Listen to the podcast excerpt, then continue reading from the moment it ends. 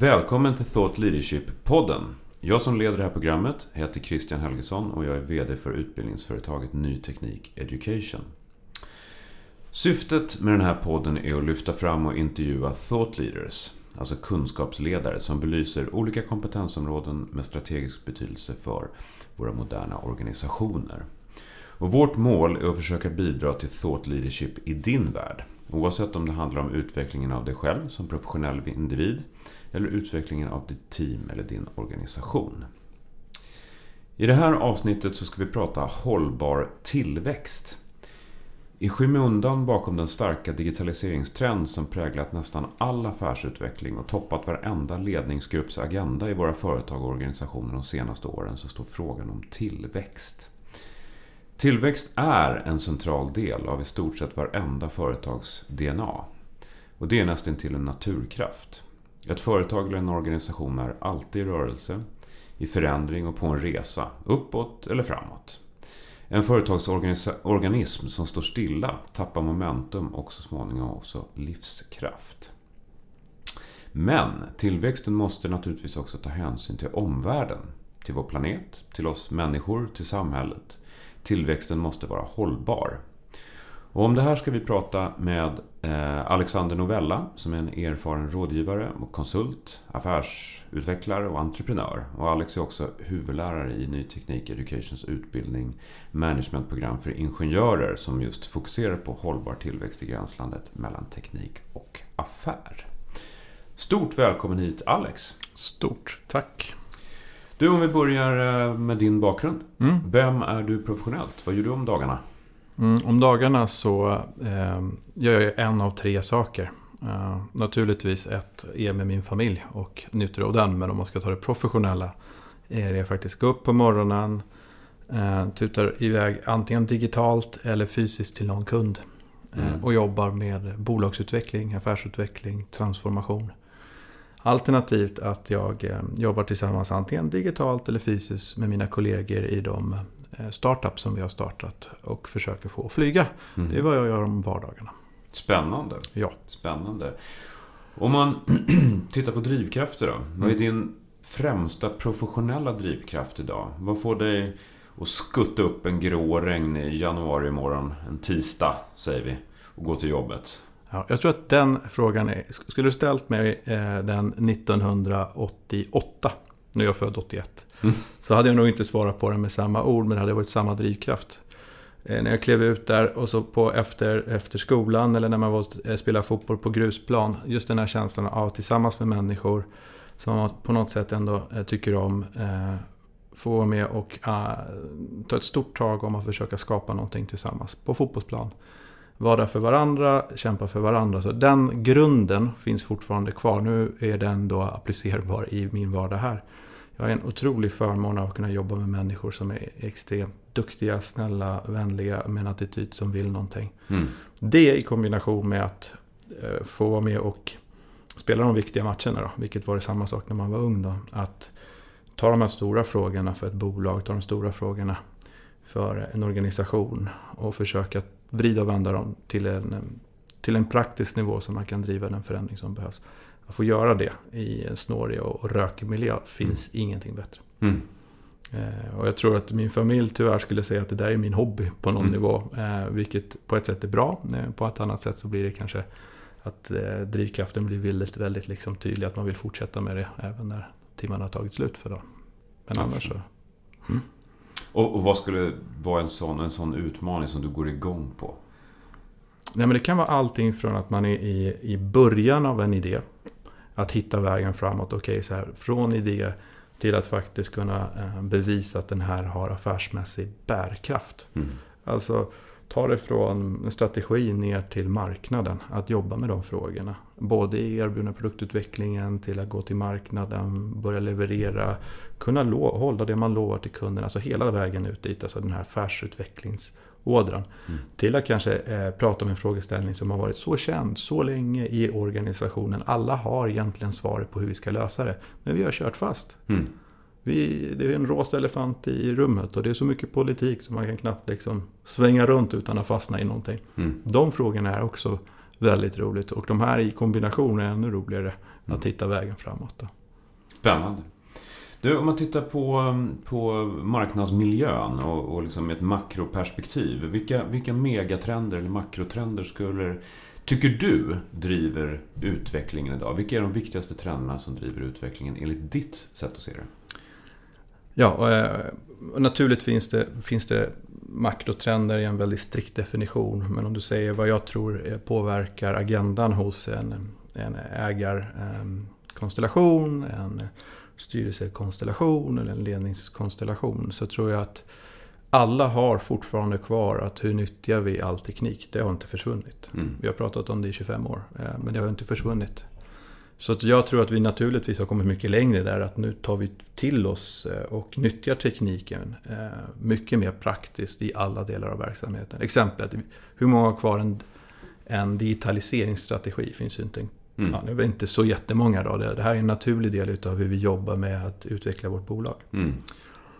Den andra delen är ju hela det här med att faktiskt prata kundupplevelse på riktigt. Och det har vi ju pratat om ännu längre. Mm. Eh, men där ser vi också att den praktiska tillämpningen blir bara starkare och starkare. Och där har det ju kommit allting från hur vi kommer närmare kunden, hur vi förenklar för kunden, hur vi når kunden med kanaler och så vidare. Men just hela den här översättningen till att det här faktiskt är en verklighet för individerna idag. Att om du frågar en individ, men vad är det viktigt? Ja, men hjälpa kunden. Ja, och det har alltid varit. Men mm. nu är det på det jag mäts. Liksom. Eller det är det som är högst på agendan. Inte bara på min agenda, men på teamets agenda. Och det är också det som koncernveden eller vdn pratar om. Och det här hänger ihop. Alltså. Den mm. finns kvar. Mm. Och den är fortfarande lika viktig och tydlig. Ändå tycker jag. Eh, sen har vi den som har som fortfarande är på det där att man har den här strategin parallellt. Man har en organisation som kör parallellt och så har man redovisning som är parallell hållbarhets eller ansvarsfrågan. Då. Mm. Som är ju eh, känd sedan många av de som har varit i det här fältet kommer jag säga naturligtvis. Vi har pratat om det i 30 år. Liksom. Mm. Mm. Eh, men nu har ju tiden kommit ikapp oss. Mm. Eh, vi kan inte blunda för det och vi har inte kunnat blunda för det tidigare men vi har gjort det. Mm. Eh, så den frågan är ju tror jag nu är på agendan. Och den är nu naturligtvis på investeraragendan, den är på ägaragendan, den är på styrelseagendan, den är på ledningsagendan och på funktionell nivå om vi ska säga så. Mm. Så den är ju eh, den är på väg att verkligen bli en integrerad del utav, naturligtvis verkar vi ansvarsfullt och naturligtvis eh, när vi utvecklar vårt bolag mm. så utgår vi från att ta det ansvar vi faktiskt har definierat som ambition för vårt bolag. Mm. Du, det här avsnittet skulle handla om hållbar tillväxt. Ja. Och tillväxt då, om man sätter det begreppet i fokus. Varför är tillväxt, om vi börjar där, varför är tillväxt viktigt? Ja. Eh, ja, men så, jag ska attackera frågan. Jag brukar alltid försöka ta det från den stora bilden till den lilla bilden. Men jag tror faktiskt jag tar det från den lilla bilden som kanske är helhetsbilden och sen zoomar ut. Och det är att om du tar och går tillbaka till dig själv mm. som individ. Eh, mycket, jag tror att många finner väldigt stor kraft i att ta sitt nästa steg. Eh, att ta sin kompetens till nästa nivå. Mm. Att vara bidragande till att min grupp och det jag kan påverka, herregud, jag fick göra skillnad. Mm. Så tar jag den och så säger jag, men vilken miljö tror jag att vi kan få mest liksom, pang för det då tror jag att det är en tillväxtmiljö där folk får sträcka på sig. Mm. Så att om jag tar minsta beståndsdelen i en verksamhet som är en individ, så man, individen är ju ett företag, det har vi alltid pratat om Christian. Mm. Så är ju liksom ehm, en tillväxtinramning är ju en mycket, mycket mer gynnsam miljö för en individ, ett lag och en organisation. Mm. Och det är på något sätt ändå, den här ambitionen naturligtvis ska man ju sätta från toppen oavsett om man är den ägaren eller styrelsen eller ledningen. En sund tillväxtambition. Eh, och där kan jag, kan jag vara så lite så här raljant. Eh, men så här, vi har ju ändå haft det rätt överambitiösa tillväxtambitioner under de senaste 10, ja, 10 15 åren. Och vad menar jag med det? Jo, jag menar att kopplingen mellan en tillväxtagenda och ett sunt företagande i form av att det finns någon typ av lönsamhet eller värdeskapande som är väldigt tydligt kopplat. Då. Alltså mm. att det här tajmar någorlunda. Mm. Den har ju blivit lite mer liksom separat. Att man har funnits så mycket pengar på marknaden så att man har kunnat ja, ta ut svängarna eh, och eh, driva en tillväxtagenda lite mer frånkopplat från det här klassiska sunda affärsmannaskapet kring en ja, men lönsamhetsdiskussion också som en del utav det. Men jag tror att det där just nu, den där tillnyktringen har vi ju sett senaste, vad är det, tio månaderna eller någonting. Mhm. Det är en tillnyktring och eh, som jag tror är... Det har varit ett tydligt skifte kan man säga. ja, men det är ju det. Vad var det, var, eh, det har vi för sig ganska länge så det var någon som, som skrattade och sa, ja men jag såg på Twitter att det var någon, någon som, ja det är nya svarta, det är lönsam tillväxt. Så bara, herregud, det har ju varit liksom, det är 101 basic i vanligt bolagsbyggande. Men det har Mm. liksom försvunnit de 10-15 senaste åren. Mm. Och nu kommer den tillbaka då. Mm. Så på något sätt så eh, otroligt tuff miljö eh, naturligtvis där kranarna har varit fullöppna till att nu kanske är det mycket mera ja, medvetna val eh, för att kunna få tillgång till kapital och den, all den omställning som krävs i alla dessa bolag med Mm. ja, värderingar som, ja, som ser annorlunda ut idag. Mm. Verkligen. Eh, Och all, all omprioritet som det driver, alla andra frågeställningar som man kanske inte behövt prata om lika mycket, att de, de blir en del utav av agendan varje dag. Då. Mm. Så tillväxt, extremt viktigt för individ, för team, för organisation. Men med en koppling till det värdeskapande och vad det får kosta att växa också. Det tror jag är liksom klassiska. Hade man läst 50-60 år sedan hur man bygger bolag så hade vi läst det. Mm. Kanske vissa saker är lite, så här, lite EV vad det gäller det. Och du lyfter fram vad det får kosta att att växa. Och då driver det fram till nästa fråga, vilket är hur hänger tillväxt och hållbarhet ihop i din värld? Ja, och då, jag tror vid något tillfälle när vi har eh, filosoferat, sen så har vi pratat om, men är det hållbart att evig tillväxt? Men ja, om vi parkerar den, för jag Mm. tror vi ska inte revolutionera alla eh, principer och eh, system, hur vårt system är uppbyggt i världen. Men enkelt sagt, så de bolagen som tar ansvar, är framåtlutade och vill göra förflyttningen eller vara förebilden eh, för branschen att förflytta sig till eh, med ett ansvarsfullt sätt att göra affärer. De ska växa mer, snabbare och med mer kraft än de som inte gör det. Mm. Så jag tror liksom tillväxtfrågan är än viktigare än någonsin. Det är att vi har ju inte tid, det vet vi ju. Och då är det så här, ett sätt att accelerera den, det är ju att accelerera omställningen för de som faktiskt vill visa, visa vägen. Och där blir ju tillväxt, tillväxtverktyget helt avgörande. Och vad är det då? Jo, att de ska ta en större del av kakan. Mm. Och de som inte tar ansvar, de ska få en mindre del av kakan. Mm. Så jag ska gå tillbaka till lite... Och det menar du att det kommer vara en naturlig marknadsreglering, eller? Nej, jag tror, jag tror så här, just nu så tror jag att bolagen har väldigt mycket kvar att göra. Att verkligen positionera sig så att de, som faktiskt, de kundsegmenten som faktiskt är där i att vilja ta ansvar och betala för att ta beslut aktivt eller är på väg dit. Mm. Att man verkligen hittar till de segmenten och får dem att välja ja, vårt bolag istället för någon annans. Där finns det hur mycket som helst att göra. För att ansvarsfrågan har inte kommit till en konkurrensfördelfråga ännu. Inte i, inte generella termer Mm. är på väg dit. Så att där finns det jättemycket. Men naturligtvis så tror jag i ren så här, självbevarelsedrift som samhälle, som organisation och så vidare. Så, så kommer vi ju behöva ta de här besluten och flytta oss. Och då är frågan, ska vi ta dem när vi fortfarande har handlingsutrymme och lite, lite punch kvar i steget? Eller ska vi ta dem när vi är rätt stretchade och rätt slut? Liksom? Det är en fråga, det är en strategisk fråga för, för varje bolag. Jag skulle ju som investerare, med, investerare känna mig mer trygg att göra det när man har lite, så här, lite utrymme kvar att göra fel på vägen. Liksom. Mm. Eh, vilket är, man kanske kan till och med argumentera för att det är sent i vissa branscher. Men, men jag tror fortfarande att det är mer utrymme kvar nu än ger det fem år till eller ger det tre år till. Mm. Mm. Du, att driva hållbar tillväxt kan man göra metodiskt. Mm. Mm. Och ehm, det finns ju ramverk och metoder och modeller och verktyg för det här Jo. såklart. Och det jobbar du en hel del med i din vardag, Jo. ute hos bolag och sådär. Hur skulle du säga att, ehm, eller kan du berätta lite grann om hur här, metodiken, hur man skulle metodiskt kunna jobba för att driva hållbar tillväxt i våra bolag? Nej, men jag tror, jag tror att en del utav det är att först av allt avmystifiera allt det här. Eh, det, det vi har eh, haft länge och har fortfarande verktyg som med sunt förnuft kan ändå så här säga vad, vilka kunder ska vi faktiskt då fokusera? Vi är inte allt för alla, det har vi alltid sagt när vi väljer, eh, gör vägval i ett bolag med vår strategi och så vidare. Mm.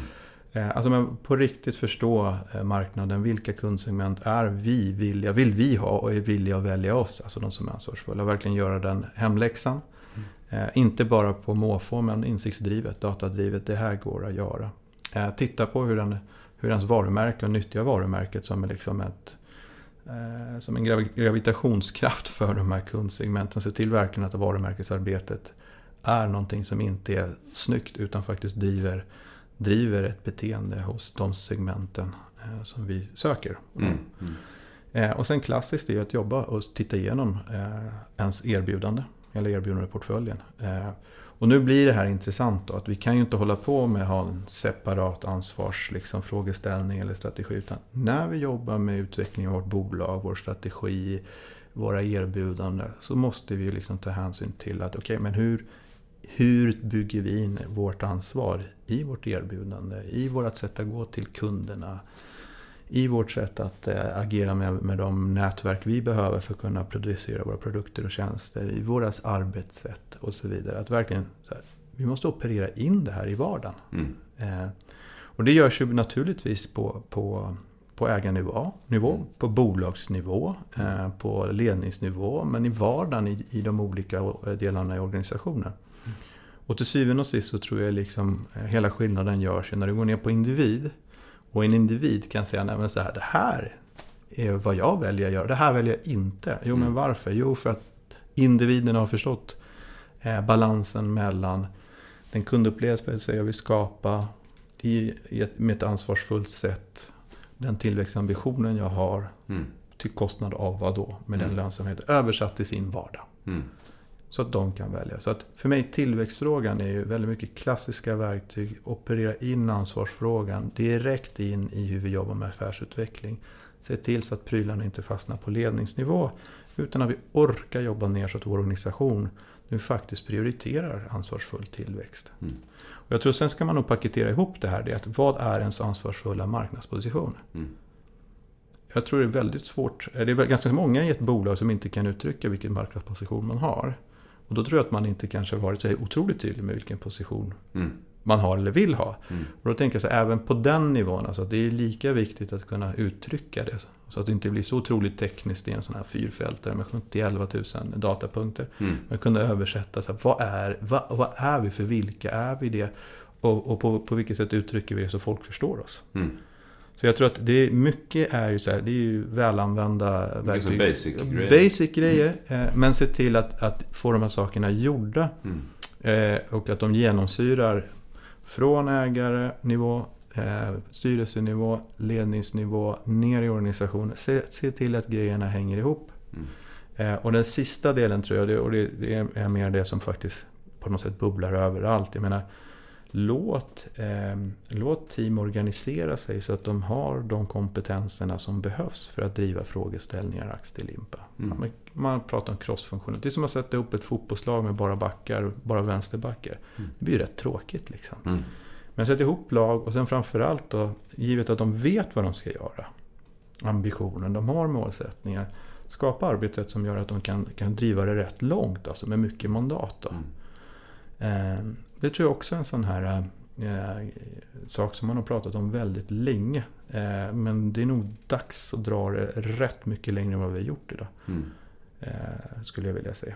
Så mycket tillbaka till grunden, avmystifiera det här och göra det här hårda arbetet och se till att vara uthållig i det. För det är också en sak som alltid har återkommit. Det är att eh, man startar goda initiativ. Eh, Sen kommer det lite motgångar mm. och så kommer någon stor motgång och så går liksom eh, luften ur. Och ja. så börjar man prioritera och så tappar man det som faktiskt inte är riktigt fullt etablerat. Och sådana här mm. saker tar tid att etablera. Och då mm. har vi inte uthålligheten att verkligen liksom sätta ett spelsystem som gör att vi kan systematiskt driva mm. eh, hållbar tillväxt eller ansvarsfull, eh, ansvarsfulla affärer. Och där kommer ni in på system också. Mm. Hur, hur um hur ska man organisera sig då? Alltså hur organiserar företag, hur ska vi organisera våra företag för att skapa förutsättningar för hållbar tillväxt? Nej, men om, om man backar tillbaka, finns, eh, jag tror man skulle kunna argumentera för olika organisationsdesigner. Men jag tror jag skulle vilja gå tillbaka till att vi egentligen ska fokusera på våra affärsmodeller. Mm. Alltså med vil, vilka affärer, affärsmodeller har vi i, våran, i vårt bolag? Vi kan mm. ha en, vi kan ha många. Eh, men våra affärsmodeller, varför vi har fler, det är ju för att den affärsmodellen vi hade förut, den räckte inte till. Så då byggde vi en annan ny, eh, med ett nytt erbjudande med kanske en helt ny logik. Då. Mm. Och då tänker jag att orka organisera sig kring, eller åtminstone ha ett sätt att fokusera på våra affärsmodeller. Då. Mm. Eh, och då menar jag att de erbjudanden som är riktade till visst kundsegment som går via vissa kanaler, som använder vissa processer eller system för att kunna hålla ihop det. Och det finns en organisation som behövs för att kunna leverera det här. Då. Mm.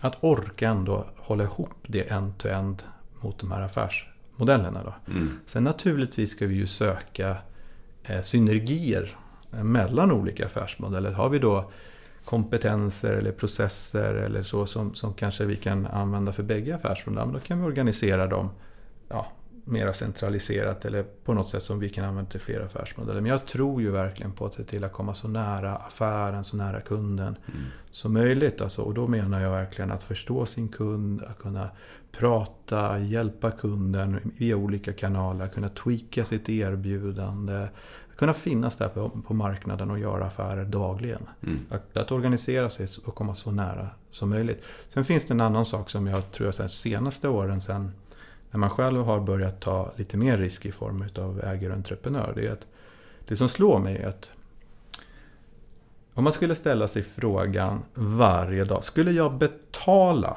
från mina pengar, sådana som skulle använt, de där pengarna skulle jag använt på min familj och våra barn. Skulle jag betala för det jag har gjort idag? Ja. Sen ställer du samma fråga. Skulle jag ha betalat för det teamet har gjort idag?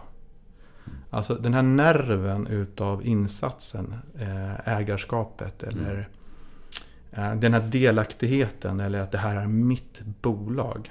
Jag tror det är också en, en otroligt central del i tillväxtfrågan. För att när det här, om det här skulle vara ditt bolag, dina pengar, din risk.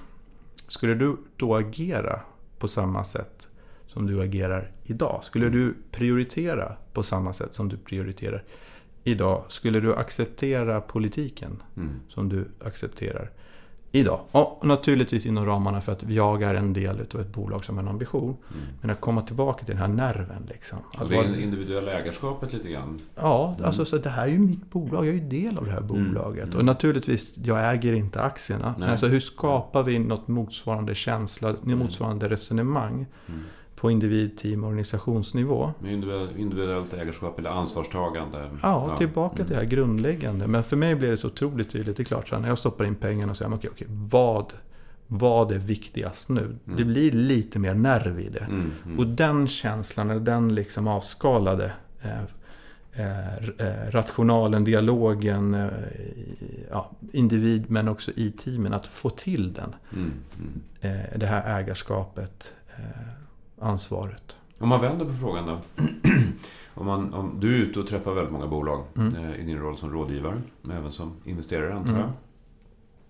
Men vilka problem eller utmaningar ser du idag, generellt sett? Eh, med företags eller organisationers sätt att, att organisera sig för tillväxt? Eh, nej men jag tror en utav det är att ibland, eller så här, allt för ofta upplever jag eh, att en, en strategi som är klar och tydlig på en snygg PowerPoint och 2, 3 och 4 och i vissa så använder de väldigt många slides och väldigt mycket mm. Excel. Men så här, den tydligheten som man läser och eh, ehm, tolkar sig till där, sätter man sig i ledningsgruppen så, så är det inte lika tydligt tolkningarna mellan de olika delarnas bidrag till det här. Då. Mm. Det är en, en äh, återkommande eh, upplevelse jag har. Då. Och det är liksom inte för att äh, man inte är bra eller, eller har inte viljan. Utan det, finns, det saknas en, en ytterligare ett hack av diskussion för att verkligen prata samma språk och tvätta tur även de här kanske lite mera eh, väldigt intressanta men sånt man inte vill peta i, ja, elefanten i rummet och politiska. Det är en, en brusnivå som, som accepteras som är lite för hög. Alltså den skulle man ju egentligen behöva vrida ner. Mm. För att orka prata om de här sakerna. Men så här, vi är inte överens. Nej, men okej, men då låt oss röka ut det då. Mm. Eh, för fortfarande när vi inte har den klarheten så fortplantas den osäkerheten ut. Ja, men ni kan ju tänka er. För mm. då, är det lite otydligt i ett ledningsgruppsrum, ja, men tänk dig hur mycket rörelse det blir där ute. Och hur mycket ja, men, onödiga saker vi gör, både vad gäller tid och pengar och så vidare. Mm. Så det är den, den, den, första delen. Och sen den andra delen är fortfarande att vi är inte eh, så nära organiserade kring affären som, som man skulle kunna vara. Mm. Nu är lite tillbaka till de frågorna vi pratade om sist. Eh, och nu, vissa bolag är jättebra på det, men generellt så tror jag att vi skulle komma, eh, kunna komma ännu närmare. Mm. Vi har ju fortfarande Eh, en kollega, han brukar raljera och säga, ja, men har vi, har vi, har vi medarbetare som, som aldrig har pratat med en kund? Mm. Ja, det har vi. Mm. Ja, alltså bara, bara den liksom. Och nu så här, ja, det är att dra det väldigt, väldigt långt. Mm. Men jag tror så här, närheten till att verkligen komma närmare kunden, komma närmare affären, komma närmare upplevelsen. Mm. För, för, för att, att komma nära en kund behöver man inte sälja, utan det är ju egentligen, vi vill skapa en upplevelse. Mm, Liksom, mm. att komma närmare upplevelsen. Eh, där tror jag fortfarande, för att upplevelsen är ju, om man nu zoomar ut och säger, men okej, tillväxtfrågan, om man skulle prioritera, men nu säger behåll dina kunder längre, Mm. hjälp dem mer. Mm. Och använd de här goda kunderna till att locka till sig nya. Mm. Annars det väldigt klassiskt. Det är ju det. Och det är kundupplevelsen som är ryggraden. Och det är ju även eh, lite runt omkring då. Eh, det är kundupplevelse. Naturligtvis en bra produkt och, och Mm. ett bra erbjudande och sådär. Mm. Men kundupplevelsen. Eh, så att det också att vi har inte den här närheten till den här kundupplevelsen. Även om, om man jobbar med rita kundresor och ja, mäta saker. Men verkligen komma dit. Mm. Så tror jag det. Så det. Och sen så har vi den sista delen som är det här lite, lite fortfarande att vi i olika silos eh, har mer fokus på olika delar av vår strategiska agenda. Okej. Alltså, ja, men, vi är jättefokuserade på tillväxt men inte på, på lönsamhetsfrågan. Eller så här, ja, men vi är jättefokuserade på tillväxt och ansvarsfrågan. Jo men det gör vi ju någonting. Men, så vi har inte vävt ihop eh, den strategiska agendan och sett till så att det faktiskt att vi organiserat oss kring de här frågorna. Då, kring affären, kring de här frågorna och sett till att de faktiskt är väl avvägda i, Mm. i alla delar vi, vi faktiskt jobbar med i vår organisation. Oavsett om vi möter kunden eller internt. Att det faktiskt genomsyrar. De här sakerna är eh, eh, väldigt tydliga. Och sen den sista som är också att vi lyckas nog inte riktigt än komma ner till individens vardag alla gånger. Mm. För lackmustestet tycker jag i varje fall, det är när, när individerna vet Nej men det där gör jag inte. För det är inte i linje med. Mm. Eh, de har ju verkligen kommit till att liksom fått med oss kraften i bolaget. Mm. Eh, eller att vi hamnar i med en, med en individ eller ett team. Så, men det, vi förstår fortfarande inte vad prioritet, prioriteringarna är. Mm. Och vill ha lite mer information. Och då kanske man som ledare och chef, men jag har ju kommunicerat det. Det finns ju på vad det nu kan vara, informationen. Vi gör ju Mm. men om känslan är kvar och liksom, eh, den distinkta liksom, beslutsfattandet hos individen. Det där gör jag inte för att inte... Mm. Då är vi ju inte riktigt hemma. Så även den delen Mm. finns det rätt mycket potential kvar i, skulle jag säga. Du, om man tittar ut i den stora verkligheten där ute så Mm. eh, sker det ju stora förändringar och snabba förändringar. Och väldigt många företag och branscher står mitt inne i stora omställningar. Ja. Och vi behöver driva förändring i våra bolag. Jo. Eh, och det, kan vara, det kan handla om teknikfrågor, eller det kan handla om affärsmodellfrågor som du har varit inne på tidigare. Eh, och så vidare. Hur skapar man rätt förutsättningar för framgångsrik omställning skulle du säga? Vad är viktigt att tänka på där? Men jag tror att en av de sakerna som, som kommer tillbaka oavsett när man tittar på omställningar, transformationer eller, eller stora utvecklingssteg. Det är uthållighet. Mm. Eh, vi vet att det kommer börja med lite större eufori eller lite större brinnande plattform. Och vi vet att saker och ting kommer att förändras eh, över tid. Naturligtvis måste vi vara lyhörda och agila för att kunna ta hand om den verkligheten. Men det kan inte vara på bekostnad av den uthållighet vi behöver för att orka trumma mot det långsiktiga målet vi har. Mm. Eh, En transformation är ju en investering i en, en rätt stor förflyttning. Oftast så får vi inte hem värdet om vi orkar en tredjedel. Mm. Så uthålligheten i de besluten vi har tagit. Eh, ja, men alltså att orka hålla i det tillräckligt Ja. länge så att vi har tagit hem den förflyttningen vi har gjort. Då. Mm. Eh, Så uthållighetsfrågan tror jag är en av de viktigaste. Och sen så tror jag den här eh, tron, den märker jag minskar mer och mer där ute, och vilket känns väldigt positivt, det är att det här otroligt bara, bara top-down drivna frågeställningarna. Ja, det har ju börjat liksom verkligen eh, försvinna då. då så att, att team eh, får mer ansvar, de ska jobba tillsammans uthålligt och Mm. gå mer från idé ut till marknad snabbare med och ut, utveckling inbyggt i det här agila arbetssätt och så vidare.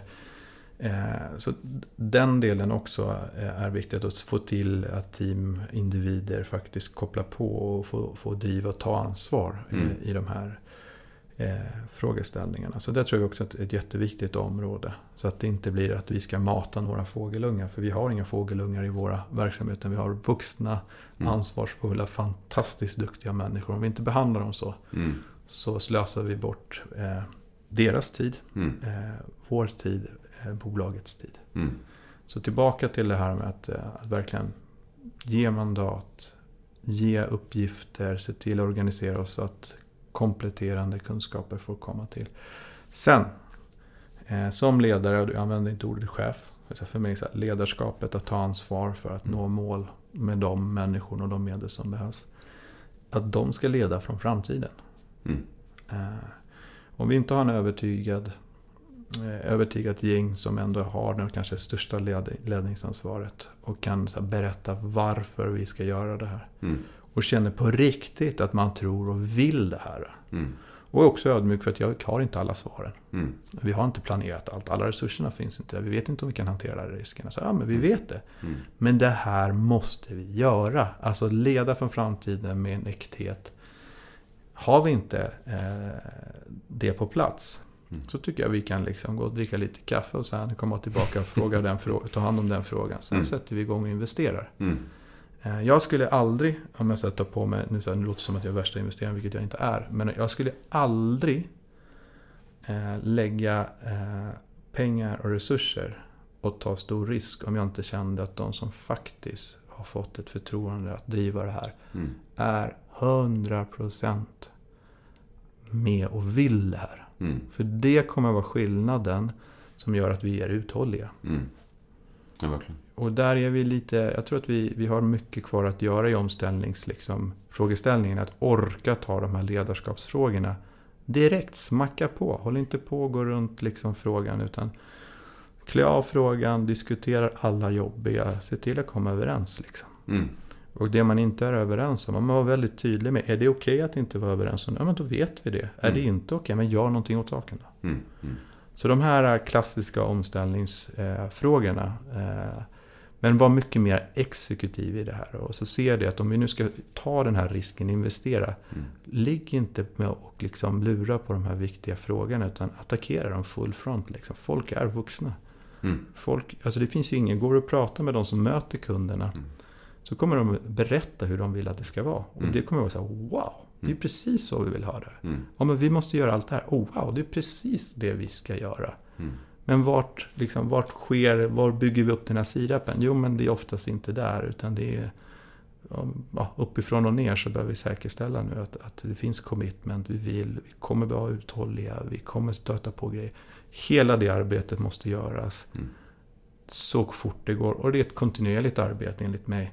Att se till att jaga det här på daglig basis. Mm. Är jag eh, VD ska jag känna, känna mig trygg att de som direkt är kopplade till det här ja, de är på. Vi mm. diskuterar de jobbiga frågorna. Mm. Är jag en del utav ledningen så är de som är kopplade till mig, de är på. Vi diskuterar alla frågorna. Vi har tryggheten, tryggheten att kunna diskutera. Och så vidare. Mm. Se mm. till att det här händer. Mm. Eh, det tror jag är en av de här, centrala bärande delarna i, i arbetet. Grymt. Du, avslutningsvis. Skulle du kunna ge några inspirerande exempel på företag som framgångsrikt har lyckats driva omställning. Alltså det kan vara teknik, eller teknisk omställning eller affärsmodellomställning eller, eller någon annan typ av omställning kanske. Mm. Eh, och som har landat i en hållbar marknadsposition. Liksom, vad, vad är hemligheten och vad har gjort dem så framgångsrika? Ja, men jag ska ta två eh, och bägge är nog rätt kända för många. En som har funnits länge på tapeten som tror jag är inspiratör och det är ju Patagonia naturligtvis. Mm. Eh, outdoor kläder av, av, kvalitet. Men där, han, där de tog ett väldigt tydligt eh, ställningstagande i att det inte slit och släng. Nej. Och dessutom ska en del av det värde man skapar ska då återinvesteras i meningsfulla saker. Och så har man tagit ett steg till nu att ägandeformen för bolaget också har, har liksom ställts om för att i princip skapa värde för att återinvesteras i sånt som är, är meningsfullt då, mm. Eh, eller ansvarsfullt. Där. där är ju en det är en, en, en, bra inspirationskälla tycker jag i en bransch där det inte är så lätt. Va? Eh, från att man vill egentligen att köpa fler plagg eh, mm. till att nej, köp färre för att ha bättre kvalitet. Vi tar hand om, om plagget men naturligtvis också att vi, att vi ser till att kunna skapa det här plagget på ett ansvarsfullt sätt. Eh, så det är en svår bransch att vara duktig, men de, de drar det långt tycker jag. Sen en annan en bransch som är naturligtvis, och det är ju de här bilarna, de här plåtgrejerna som åker runt på fyra hjul. Ja, det är en intressant bransch. Ja, det är en intressant bransch. Och där har ju inte hänt jättemycket på hundra år tills för bara ett par år sedan. Mm. Och så har man ju pratat om det i 10-15 år innan då. Så det mm. tog ju ett tag innan det började hända. Mm. Men ett, ett fint varumärke ändå, Polestar. Mm. Tycker jag.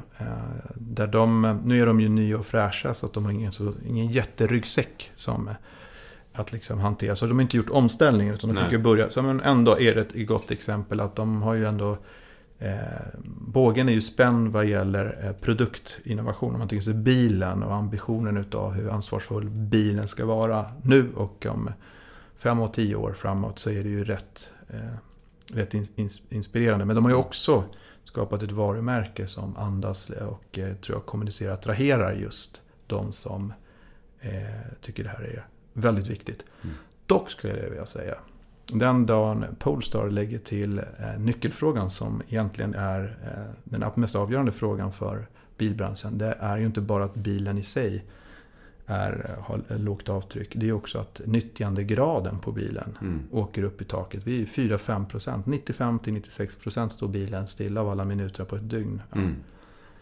Den där borde ju bli betydligt högre. Så hela sharing-delen har de ju inte riktigt kopplat på. Det börjar vi ju ändå se i, i bilbranschen. Du hade ju Alain här sist ju. Eh, ett annat bolag. Eh, Jag kan säga det som en kommentar. Mm. Nästa avsnitt som släpps efter det här ja. kommer vara en intervju med Lynk Co's VD Alain Visser. Som eh, just arbetar med carsharing. Och där, där han har ju eh, med en väldigt, väldigt tydlig vision och en total övertygelse också drivit frågan ett steg till vad gäller eh, nyttjandegraden. Liksom. Mm. Att se till att en, eh, en resurs borde inte stå stilla. Mm. Eh, om vi är flera som delar på en resurs mm. så har det också ett väldigt positivt eh, påverkan på det avtrycket. Mm. Så den, den delen saknar ni Polestar. Eh, jag vet att ni tänker på det. Men oavsett vad så två stycken tydliga, enkelt att förstå också deras produkt och tjänst. Det finns ju många andra bolag där man knappt förstår egentligen erbjudandet om man inte är i målgruppen. så vi drar de här två helt enkelt. Låter lysande. Stort tack för att, Alex för att du var med idag. Stort tack. Mm, superspännande och intressant och inspirerande att prata med dig. Och stort tack till alla er som har lyssnat. Tackar.